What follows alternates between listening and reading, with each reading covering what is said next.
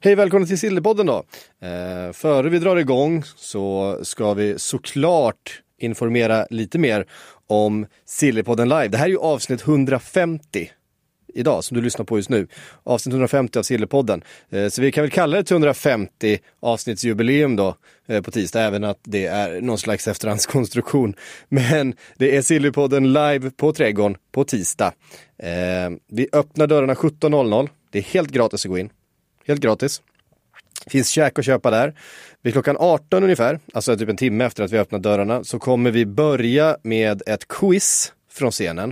Eh, det, hur eh, exakt det quizet eh, ser ut och hur det kommer fungera och vilken svårighetsgrad det kommer vara på det, det kommer variera lite grann. Eh, det får ni se när ni kommer dit. Eh, jag kan säga så här att det finns en final där man kommer kunna utmana mig i eh, att gissa åldrar på spelare. Det ser jag fram emot väldigt mycket. Jag är inte asbra på det. Jag är, jag är fullt medveten om detta, men jag ska, jag ska plugga på så att det blir någon slags utmaning för den som tar sig till finalen i alla fall. Eh, fina priser utlovas. Eh, det är vid klockan 18 ungefär. Ungefär vid 18.30 så börjar vi själva Sillypodd-inspelningen från scenen då tillsammans och sen eh, kör vi till klockan åtta ungefär. Då öppnar trädgården eh, sina vanliga dörrar. Eh, då är vi färdiga och eh, ja, då kan vi väl ses på en bira efteråt. Eh, det blir en eh, superkväll med Silly på tisdag på Trädgården eh, här i Stockholm. Eh, ser jag jättemycket fram emot. Yes, nu så kör vi igång eh, resten av det här 150 avsnittet. In the supermarket you have eggs class 1, class 2, class 3. And some are more expensive than others and some give you better omelets. That's the wrong information. Wrong, wrong, wrong information. I didn't say that. That's the wrong information. Do you think I'm an idiot? Wrong, wrong, wrong information. Now look at me when I talk to you. Your job is to tell the truth. That's the wrong information.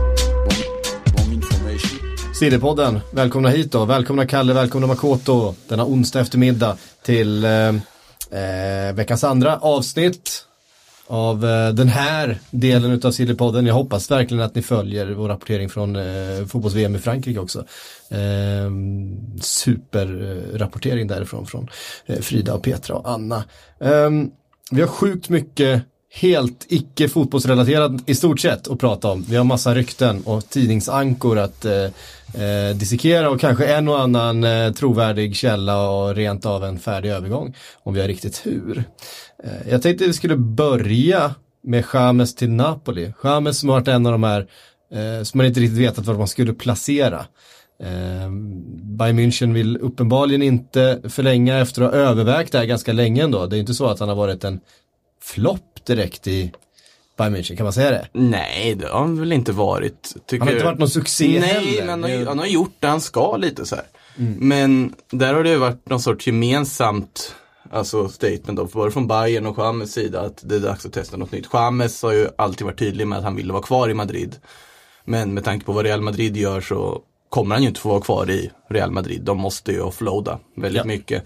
Napoli känns ju faktiskt som en jättebra affär, både för James och, Och för för, Napoli, Napoli. ja, för tycker Nap- jag. det är ju en typ av spelare som Napoli verkligen saknar men inte riktigt haft tidigare och en typ av spelare som dessutom Ancelotti har haft, som Ancelotti uppskattar och som då skulle bidra med någonting som inte den här klubben eller laget riktigt har. Mm. En det spets som kan ta dem till nästa nivå. Så jag tror att det är superbra. Sen att det verkar vara ett lån igen, det blir lite långdraget för Real Madrid med alla de här lånen. Lån efter lån efter lån. Mm. Att man inte riktigt om bryter bandet på något sätt. Just det. Um, ja men det, det känns ju som en, e, e, ett, logiskt steg. Man, ehm, det är ju en av alla de här ehm, Adopt, Don't Shop eh, spelarna som vi har pratat om. De pratar om James och Bale och eh, Alexis Sanchez och så vidare. Eh, Ehm, det är svårt att göra sig av med fotbollsspelare när de väl har hamnat på en viss eh, lön och, och, och så vidare. Ja, det är ju väldigt få klubbar som kan chansa med en sån spelare som eh, James med tanke på att det kommer kosta väldigt mycket pengar. Man vet ju inte riktigt var han står heller. Eh, är han bra nog för att eh, liksom bära ett, eh, ett topplag i en, en av toppligorna på egna axlar? Ja, jag, jag vet inte, är han det? Eh, jag hoppas att han är det, för det vore ju kul för Serie A om de dels nu fick in ett riktigt affischnamn och sen ett affischnamn som även då kan eh, leva upp till hypen som fanns kring honom, eh, ja, framförallt i VM då för ett antal år sedan. Och Napoli behöver ju en boost. De behöver ju en stjärna som levererar nu. Det har ju känts som att eh, de behöver göra någonting för att de på något sätt ska claima den här platsen de har ändå skaffat sig som det, det, det, det klart näst bästa laget i ligan. Eh, hade väl en, en sån där vår. Ja, för det känns som att Napoli inför den här sommaren, de sitter ju i ett annat läge än vad deras konkurrenter gör. Juventus ska bygga något nytt med Sarri, du har ett Milan som antagligen bygger med Gianpaolo, det bara väntar på att det ska bli bekräftat där. Ett Conte i Inter, Fonseca i ett Roma som i princip brinner med tanke på vad som händer i styrelsen där.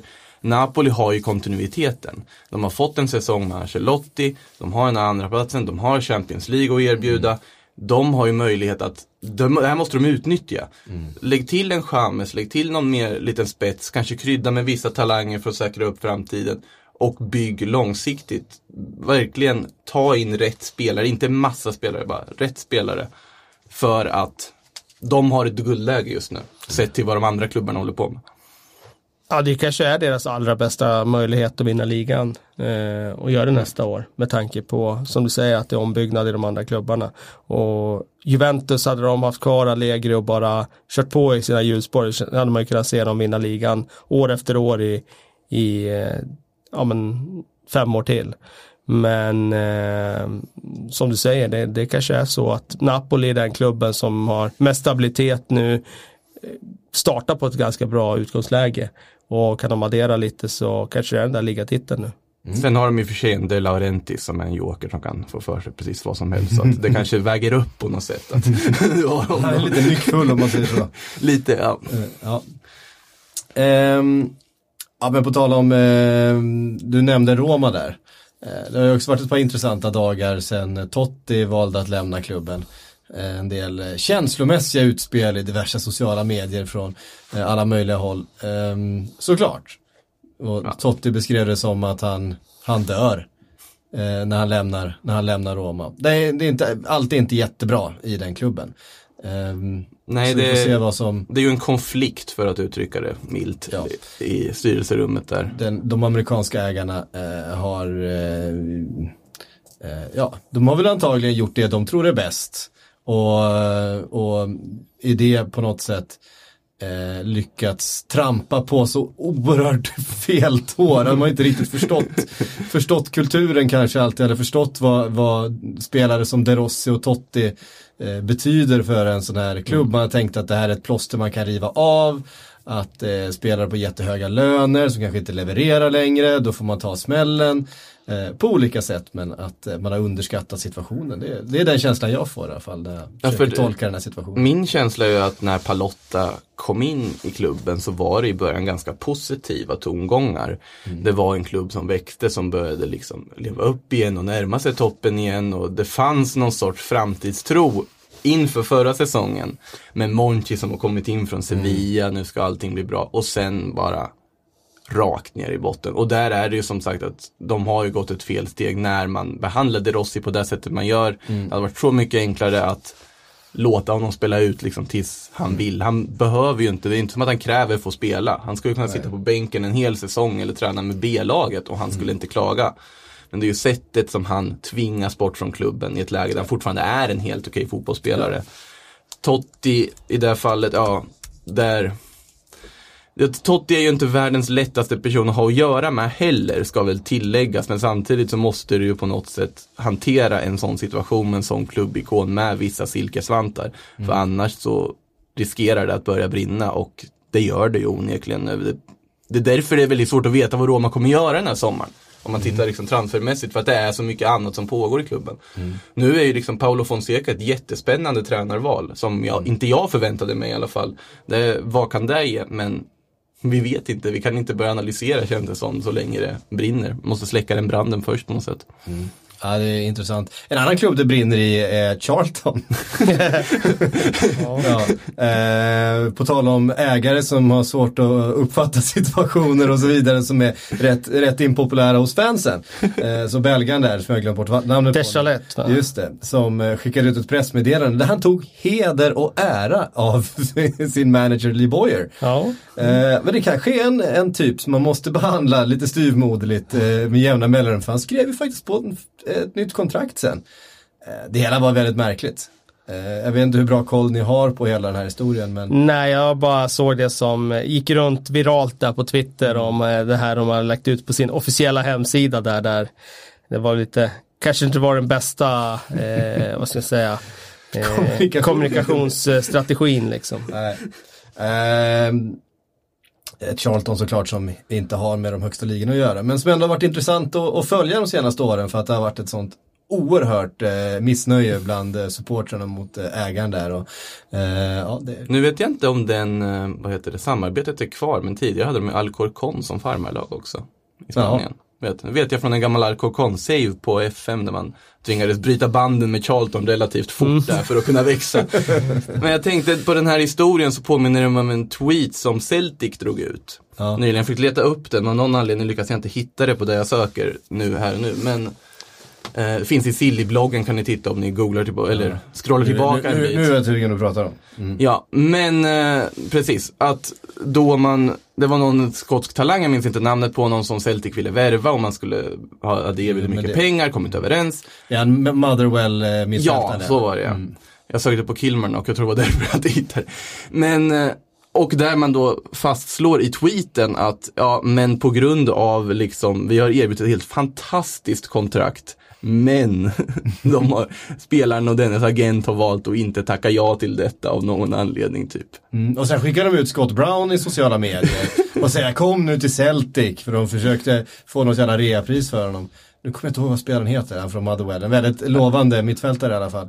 Eh, det för stereotypiskt han är ju, eh, blev precis klar för Norwich. Jaha, istället. Okej. Så att han kommer spela Premier League eh, nästa säsong. Kanske var därför han inte gick med på Celtics fantastic offer då. Ja, exakt. Det, det är klart att eh, för en skotsk spelare, Celtic kommer, så är det intressant. Men när Premier League kommer så, så i, det, den, alltså, i den transferhierarkin vi faktiskt befinner oss i nu, så är ett, ett, ett bottenlag i Premier League smäller högre än att spela för Celtic. Naturligtvis, alltså. För, för tillfället och det, det behöver inte gå speciellt många år tillbaks för att det verkligen inte skulle vara så. Ehm, men, eh, Men skotska ligan idag känns ju som, alltså kvalitetsmässigt är det ju allsvensk nivå.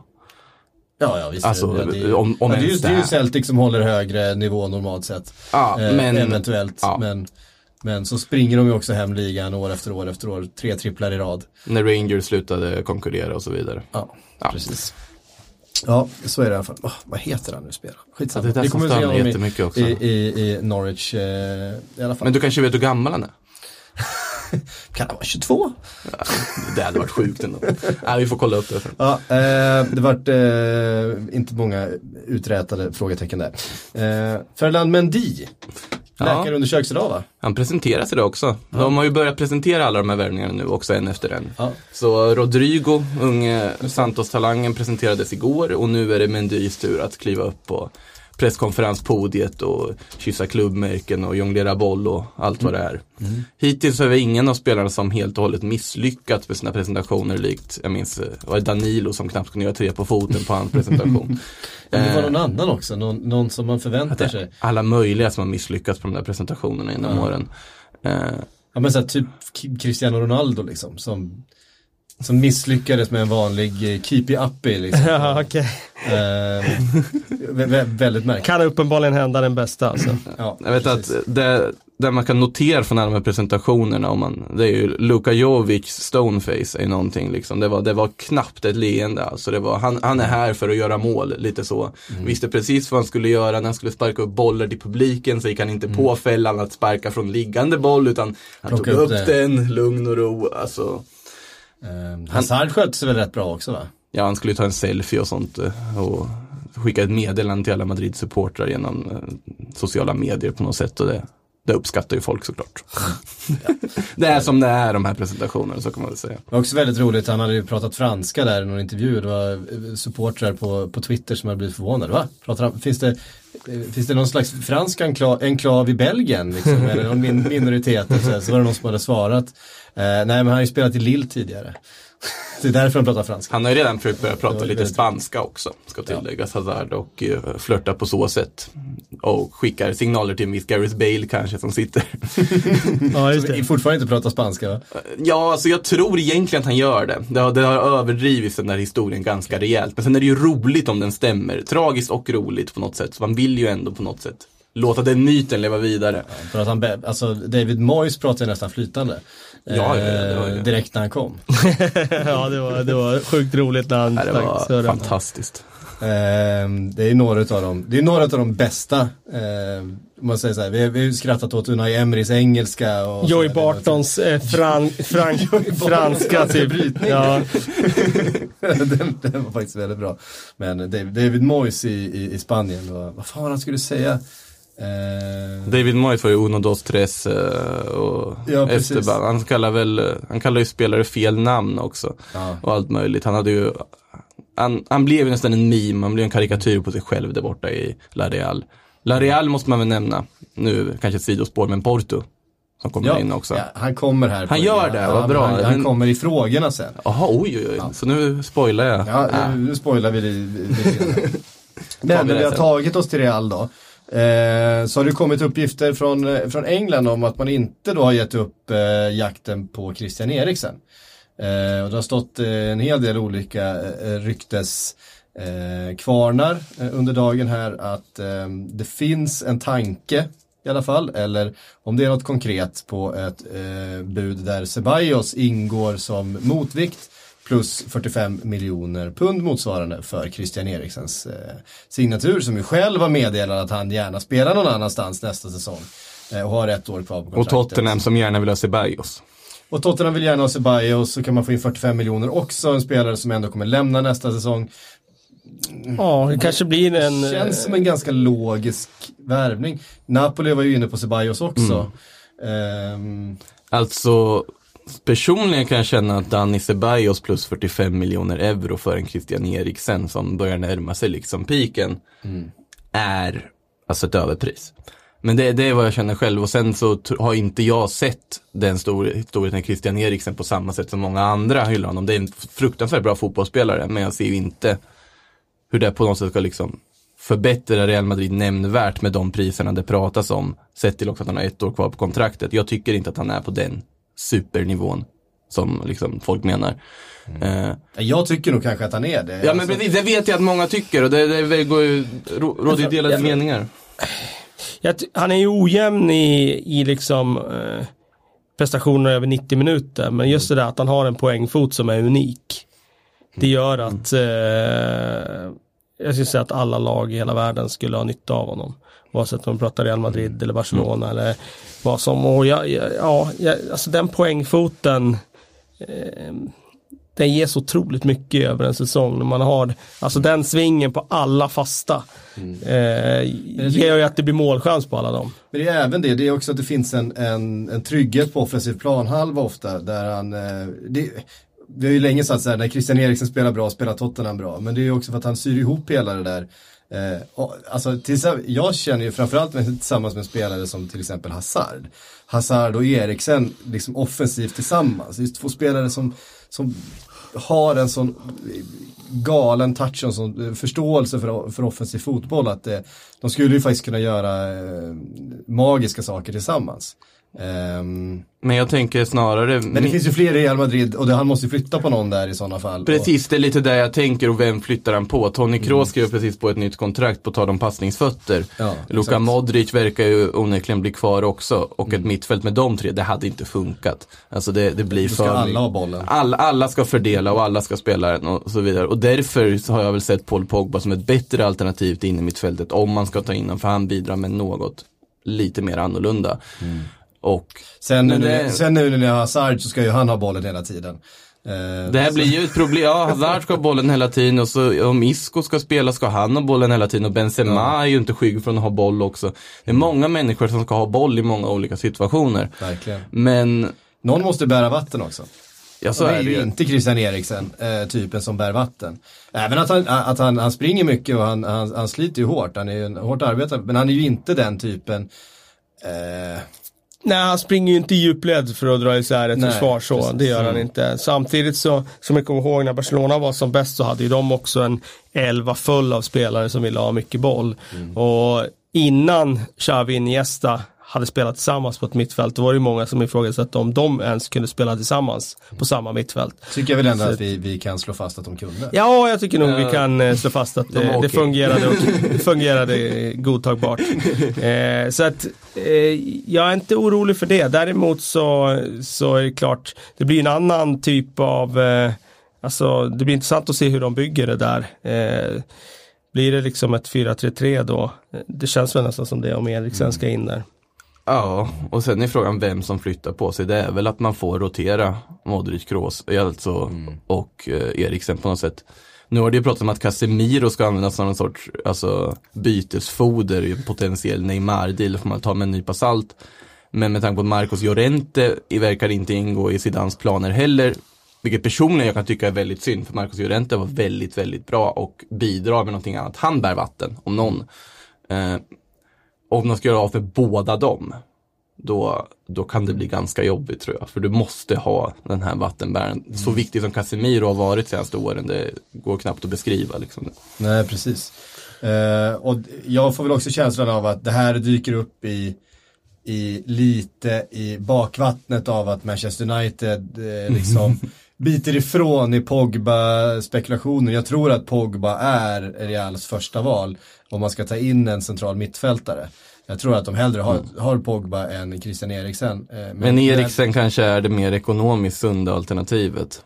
Ja, det, så, så kan det också vara. Eh, det, men det kan också vara så att, att det blir svårt att lösa Pogba i sommar.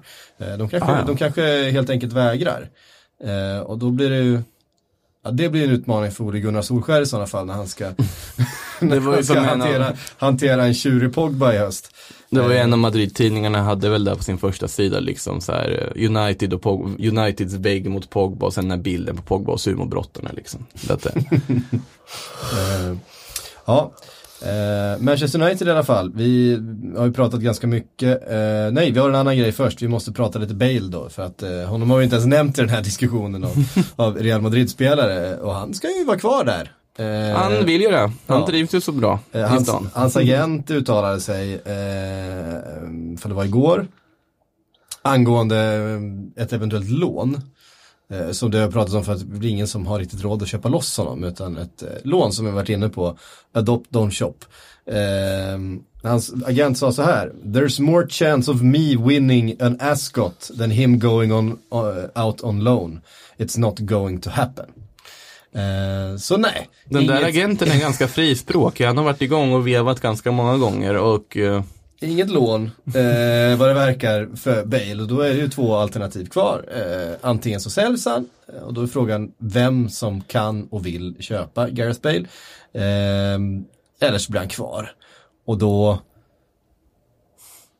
är frågan vad han, vad han ska göra med sin tid. Då blir det väl ganska mycket golf antar jag. det blir nog mycket golf alltså. Det var något, eh, jag tror till och med att det var just när Hazard presenterades och alltihopa så var det ju riktigt dålig timing på Bale att dra ut en Instagram-bild på golfbanan. Det, det var ju så dålig timing. Han- I och för sig var det ju kopplat till US Open att han var där och testade banan, men ändå. Ja. det är fel timing Gareth. Ja, precis. Ja, men, eh, och det är klart att Hazard kommer ju, han kommer ju spela där liksom. Eh, Ja, han är inte värvad till bänken. Nej, eh, och han kommer ju spela alla matcher. Men de på varsin kant då? Bale ut till höger. Ja men där, Alltså, där är det ju logiskt, men jag tror inte att Bale ingår i Zidans plan. Nej, Alltså, det, det är väl förmodligen så enkelt. Men säg att man skulle ändå få in dem på varsin kant och Bale huvud på plats och sådär. Det skulle ju kunna bli jäkligt bra. Han är ju en fantastisk fotbollsspelare. Gareth Fortfarande, det är det som man inte får glömma bort. Att när han väl vill och har huvudet på plats och är fokuserad och älskad och så vidare och hoppar in i en Champions League-final så, så kan han göra det rätt bra. Det är ju det, alltså man, det är ju därför han har varit kvar så länge som han har varit på något sätt. Alltså för att han skiner till ibland. Problemet är ju att den här säsongen på något sätt var ju säsongen när Gareth Bale skulle ta nästa kliv. Och många hade redan gett upp på honom innan den här säsongen. Men han har ju snarare varit ännu värre nu. Det är, försvinner i matcher, många matcher man ser redan knappt. Ja, just det, Gareth var på plan. På den nivån. Sen kanske en Hazard som kommer in skulle snarare hjälpa honom. Att man hittar Bale på ett annat sätt och hans kvaliteter får synas på ett annat sätt. Det vet man inte, men jag tror att det är för kyligt mellan Zidane och Bale och statusen på Bale liksom i laget och så vidare för att vi ska få se det. Men man, jag hoppas, om han blir kvar så verkligen. Manchester United eh, är väl kanske en av de här få klubbarna som eventuellt kanske skulle kunna värva eh, Gareth Ja. Bale. Eh, men Woodward tittar just nu väldigt mycket defensivt. Det är backar och en backlinje som ska byggas. Wan Bissaka Eh, han blev väl Young Player of the Year någonting va? Blev han det till och med? Fick han till och med det? EFL Young, äh, någon utav dem, jag vet inte om det var någon som Alltså inhemsk young player eller något sånt där då. Ja, ja, Ja, det är det ju i absolut. Premier League. Ja, visst. Ehm, någonting sånt tror jag. Ehm, hade ju en fin säsong för, för Crystal Palace. Var det inte Sterling som vann priset? Jo. Ja, Sterling vann. Jo, precis, Young Player. För han det var- räknas fortfarande som young player Ja, ja. ja. Vilket, Det där är så konstigt. Eh, Harry Kane vann, vann väl förra året liksom. Eh, men, eh, Aaron Wan-Bissaka, eh, Man United förbereder nu ett tredje bud. De har fått två bud eh, nobbade hittills. Crystal Palace vet att de kan få rätt, mycket, rätt mycket betalt för. Eh, för Wan-Bissaka eh, och det, jag är helt, det har ju pratat så länge om Wan-Bissaka till United också. Det pratades eh, tidigt i våras om att, att det var förhandlingar igång och eh, att det var Manchester United som var eh, liksom den enda klubben som förhandlade. Eh, så att jag tror att det är bara en tidsfråga innan han är klar. Och då har de ju fått in den här högerbacken då som ska göra den där platsen till sin, den, det närmsta decenniet är ju förhoppningen. Eh, ska vi gissa en ålder där? Jag tror han är 19, eh, Wan-Bissaka va? Är han så ung till och med? Jag tror det, jag tror att han är, han fyller 20 år möjligt, jag tror han kan vara 99. Nej, Nej, han är nu- 97 Va? Så han är 21 och fyller 22. Det var det jävligaste. Ja, eh, som sagt, det utmanar mig i åldersgissande på tisdag då i, eh, på Trädgården eh, på Silverpodden live. Eh, det, det, ja, kan, man kan vinna ett pris till och med om man, om man eh, slår mig i åldersgissande. Eh, det känns inte omöjligt. Känns som att det ska Men- gå att vinna den. men du, du bjuder ju in nu. Det är det du gör här. Ja, det, det var verkligen en, eh, en, en svag utmaning du kastade ut där. Jag hade en sån där eh, dragning förut till att veta exakt vilket datum folk var födda liksom. Jaha, okej. Eh, år såklart. Ja. Och vissa år, år räcker den här gången. Fortfarande. Ja. Beckham 2 maj 75 liksom. Sådana där. Ja. Eh, fler eh, försvarsspelare då till eh, Manchester United. Eh, West Ham finns det en Diop. Som eh, Woodward eh, och Ole Gunnar tydligen är, är intresserade av. Och West Ham vet också att de kan få mycket pengar. kan man väl säga. och West Ham vet också att det finns gott om pengar hos Manchester United. Eh, de, har varit, de har varit lite fräcka. De har sagt att ja men då vill vi ha Martial. ja, okej. Jag gillar det. Jag gillar Det. Alltså, jag, tycker det är, jag, jag tycker det är fantastiskt. Det, Jag gillar det. Exakt så, exakt så ska man göra. Eh, de vet att Martial är en spelare som eventuellt eh, liksom, eh, skulle kunna eh, röra lite på sig. Det är också en spelare de vet att de aldrig skulle kunna värva eh, på något annat sätt än att eh, utpressa en stor klubb som eh, Manchester United. Men jag älskar att de inte- ändå kräver pengar emellan också. Martial plus cash. det är det som är det fina med Ja, det. visst. Ehm, ja, men så att, så att eh, den, den förhandlingen är väl en bit ifrån att, Det säger väl någonstans landa. någonting om Woodwards, eh, liksom synen på Woodward i, i fotbollsvärlden. Liksom. Att man kan kasta ut sådana där grejer. För man, man känner ändå att det finns en viss chans ändå att han tar det här budet. Ja. Ja, det, det hade ju varit, nej. Ja, det är ju magiskt. Alltså, Martial till West Ham. Vad tror ni Martial själv säger om att flytta till West Ham? Ja, nej, det, han måste ha satt kaffet i halsen, morgonkaffet i halsen på semestern här nu när han säger att han placerar sig ryktesvis i West Ham. Jag tror faktiskt att West Ham kan få det väldigt roligt nästa säsong, men det här säger man ju varje år. men som sagt, det- som sagt, Det det går väl... inte i den fällan igen alltså. Eh, Ja, men näst- Pellegrini är villig att gå in i den fällan och med Fornal som har kommit in och så vidare. Det är fina lirare. Absolut, ja, men Pellegrini är ju en, eh, eh, en tränare som, som är en, en slags kvalitetssäkring eh, på det de gör. Till skillnad från några av de andra galenpannorna som varit inne eh, i den klubben. Diop då? Är det ett, ett Manchester United-material, Kalle? Nej, jag vet inte tusan. Jag vet att Mourinho var jätteimponerad av honom där efter eh, något möte där på, på hösten och han hyllade ju honom rejält. Eh, men eh, nej, det vete tusan om det. Samtidigt ska man ju veta att som mittbacks eh, besättningen ser ut idag så skulle han ju kunna gå in och konkurrera där. Men eh, visst borde de sikta högre med alla de pengar och liksom höga löneläget de har. Eh, de ska ju såklart gå all in som, som Liverpool gjorde för för ett och ett halvt år sedan och, och köpa loss en av de bästa eller en spelare som kan bli en av de bästa och det tycker jag väl inte riktigt ihop här. Nej. Eh, United ska då också enligt Sky Italia vara på jakt efter Hysaj i, i eh, Napoli. Även Atletico har de gett sig vara- in i den också alltså? Ja, ja, alltså det vet vi ju inte för de Nej, har det nej, på riktigt. men- Sky Italia säger att de har Nej, gjort nej, det. ja, ja, såklart, såklart. Men det är väl alla. Men, alla vi pratar om ytterbackar ska väl in. men då snackar vi när Van Bissaka om de nu ska ha honom. Jag såg att de hade han eh, Aarons från Norwich som, eh, som något alternativ till Van Bissaka om han blir för dyr. För nu snackades det om 50-60 miljoner pund Sex- på, sex- 60 miljoner på pund för Wan Bissaka, ja, är Det är extremt mycket pengar. Och så ska de in med en mittback som kommer kosta en 50 säkert. Minst. Ja, ja, ja. Ja. Då Ja, har du, fan Martial plus... då har du eh, 1,2 miljarder bara där.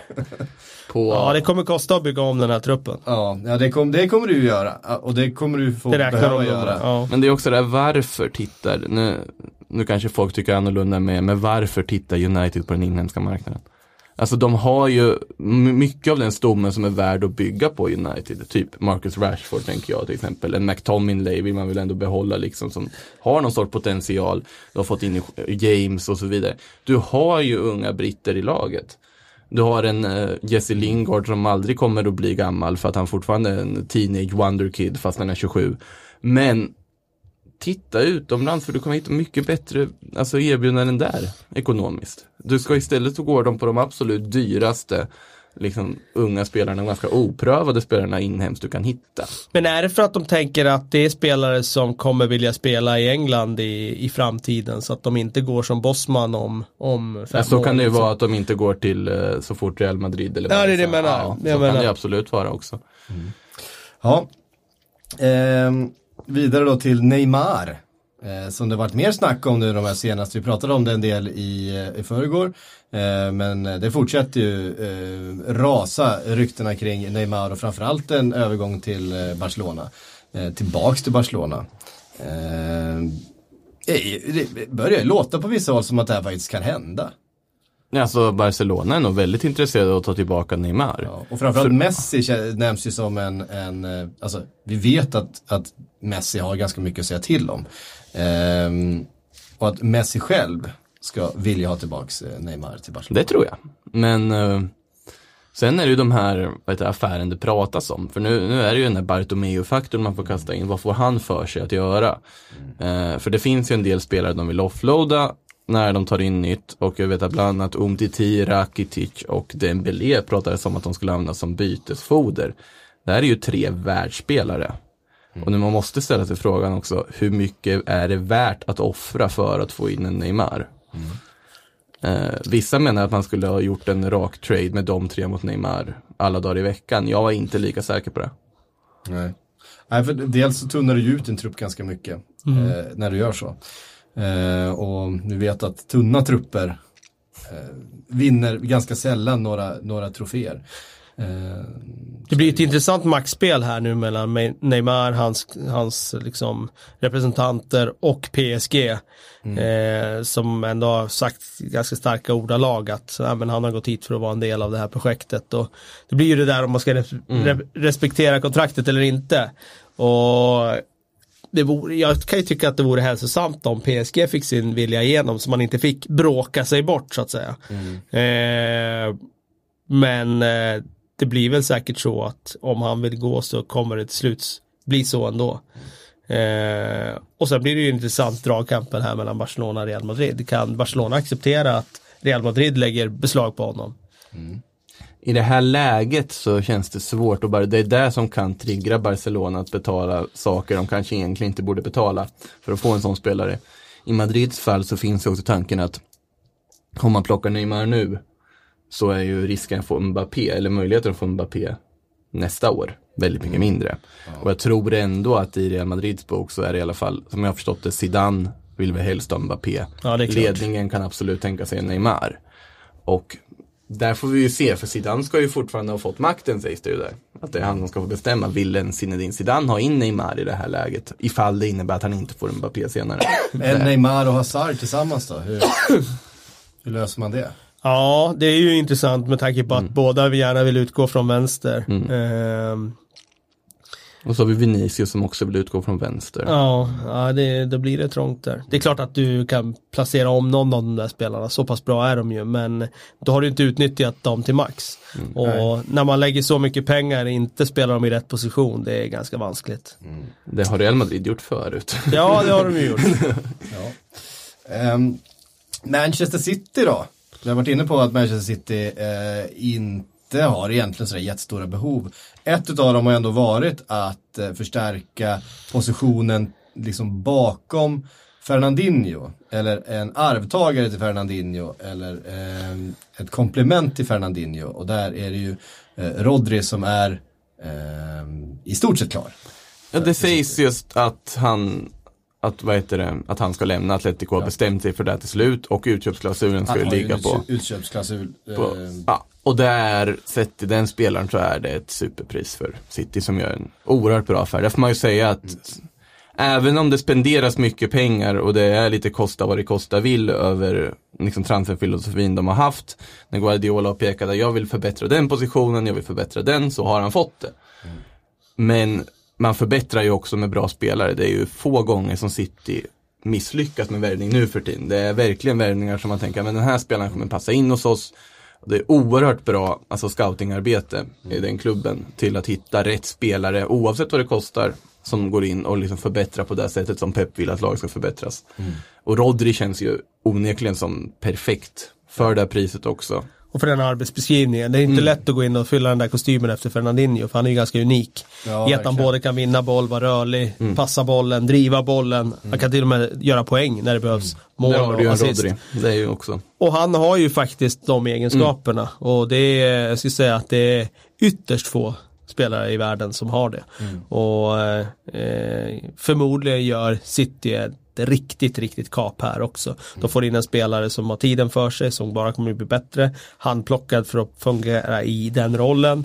Och han kommer verkligen kunna liksom fortsätta spela eh, ja, styra tempot och diktera rytmen i spelet. Och det tycker jag är det man får liksom man får, man får kompromissa med det. Antingen får man ofta in en spelare som kan eh, städa framför backlinjen, men då får du inte någon som kan styra rytmen i spelet. Eller så får du in en som kan styra rytmen i spelet, som Jorginho eller någon sån.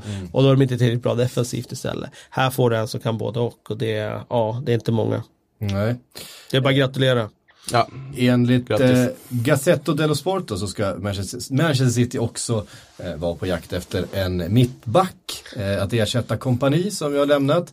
Och det är inte vilken mittback som helst utan det är Koulibaly som eh, eh, enligt Gazzetto dello Sport då, eh, City ska ha lagt ett bud på 85 miljoner pund för. Eh, det är väl, låter lite lågt tycker jag för Koulibaly. Jag tror att eh, Napoli förväntar sig en, lite mer pengar.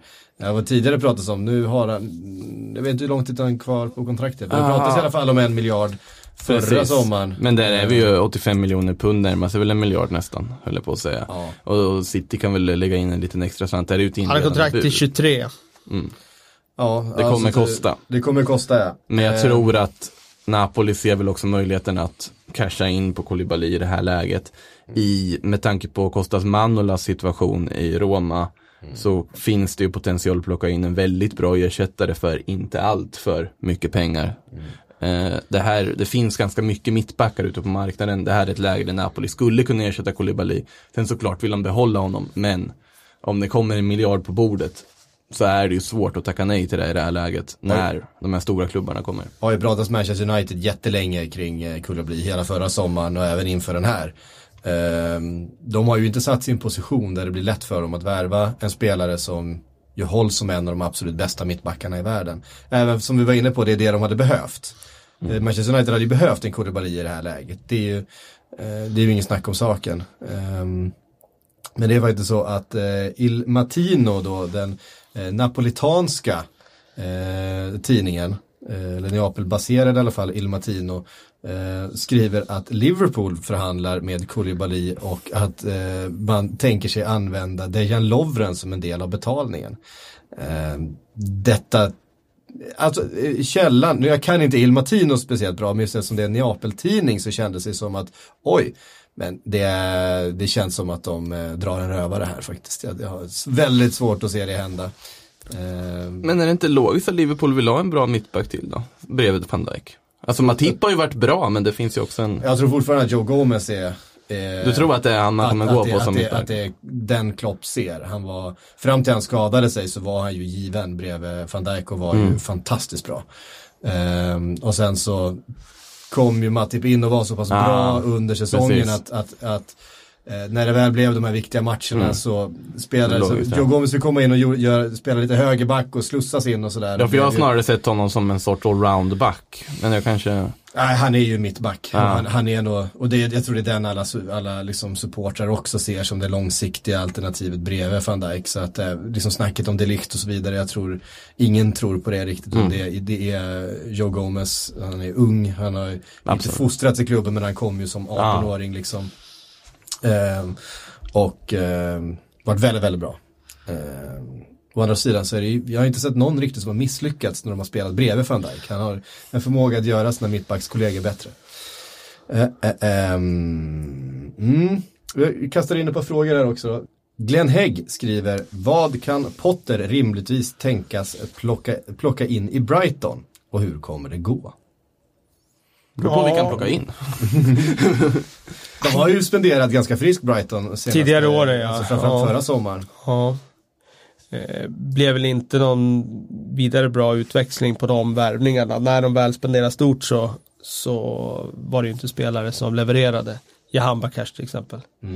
Eh, det skulle vara intressant att se eh, bara spelartyper han väljer att plocka in. Om det är spelare som ska spela liksom en proaktiv fotboll eller om det är liksom spelare som ska ja, formas in i det som har varit Brighton tidigare, ett hårt arbetande kollektiv. Jag kan tänka mig att han vill bygga om det här lite grann och spela en annan typ av fotboll. Eh, svårt att säga vilka namn han plockar in, men jag skulle tro att det blir eh, säkert någon bolltrygg mittback som ska in där bredvid Dank och så vidare.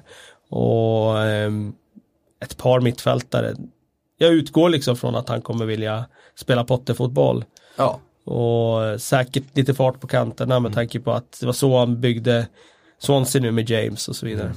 Jag tror att det kommer dock dröja ett tag för det känns som att han är en tränare som verkligen vill analysera och se vad det faktiskt han har att tillgå innan han går ut och börjar spendera pengar. För jag tror inte han har jättemycket pengar att spendera heller. Så att eh, det kan nog dröja in på liksom slutet av juli, augusti innan vi får se. Kan jag tänka mig nu utan något belägg för det. Arvid Johansson skriver, Isaks nya lagkamrat i Sociedad, eh, Porto, vad har vi tankar? På tal om kap. Alltså Porto har ju varit en av Gironas absolut bästa spelare de senaste två säsongerna. Eh, nu när de åkte ur, vilket de inte ska göra med den truppen egentligen, men det, det gick inte som det skulle gå helt enkelt. Så har ju hans utköpsklausul sänktes ju då, så man får ju honom för, vad blir det, 10 miljoner euro, liksom 100 miljoner kronor. Och för den spelaren, med den liksom, på tal om poängfot också, kan göra assist, kan göra mål från sin kant, mångsidig, det är ett superkap för alltså Real Sociedad i det här läget. Och jag tror Isak borde vara glad att man får in en Porto så att han har en riktigt bra lekkamrat där framåt. Hörrni, vet du vad? Det var allt vi hann den här onsdagen. Och framförallt blir vi utkastade. Jag såg så att de stod och stampade där Jag utanför. trodde du ägde den här studion. Ja det trodde jag också men eh, uppenbarligen inte. Nej, det, det, ibland får man veta sin plats va? Eh, så är det bara. Hörde, tack för att ni lyssnade och eh, vi ses på tisdag ju. Eh, och vet, vet ni vad som dessutom är eh, lite speciellt? Det är avsnitt 150 det här. Det här som vi hade nu? Ja. Och då blir vi utkastade liksom i förtid från studion. Ja. Nej, inte bra. Men eh, på tisdag blir vi inte utkastade någonstans, då blir vi inkastade på trädgården. Eh, klockan 17 öppnar vi dörrarna. Eh, det finns käk att köpa där förstås. Eh, vi, ungefär sex kommer programmet eh, dra igång och så håller vi på i två timmar. Eh, och sen klockan åtta öppnar själva trädgården som vanligt. Så att, eh, då kan man gå in där eh, om man vill det och hänga lite grann med oss. Eh, Och då kan man alltså utmana dig i att gissa fotbollsålder. det kommer man kunna göra, vi har- kommer börja med ett quiz där då. Så, så, Bara en sån sak. och, eh, där finalen blir att utmana mig i, i åldrar. Eh, Vem fina, är det som fina gör priser quizet? Är- Men, eh, men jag menar, det var inget formbesked eh, Psyk levererade Nej, men idag. jag- jag- Van Bissaka var 19 år, Ja, men han jag- var uppenbarligen Jag tror han har fel på snart 22. skotten. Jag tror han har fel på skotten också egentligen, nu när jag tänker efter. Men det Att, känns... att han är klar för Norwich? Nej, inte där, men alltså hur gammal han var. Jaha okej. Ja, men det jag tror att eh, du lur, lurar bara in folk här, så man kommer dit och sen bara sätter du Det någon... är som en sån gammal poolhustle, att man låtsas vara dålig i början tills pengarna kommer upp och blir lite stora. Och Ja men precis, det är ju taktik där. Ja, just ja. Det är bra. Så kan det vara. Hörrni, vi ses på tisdag, det gör vi. Och sen så hörs vi eh, framöver, ni som eh, ni övriga.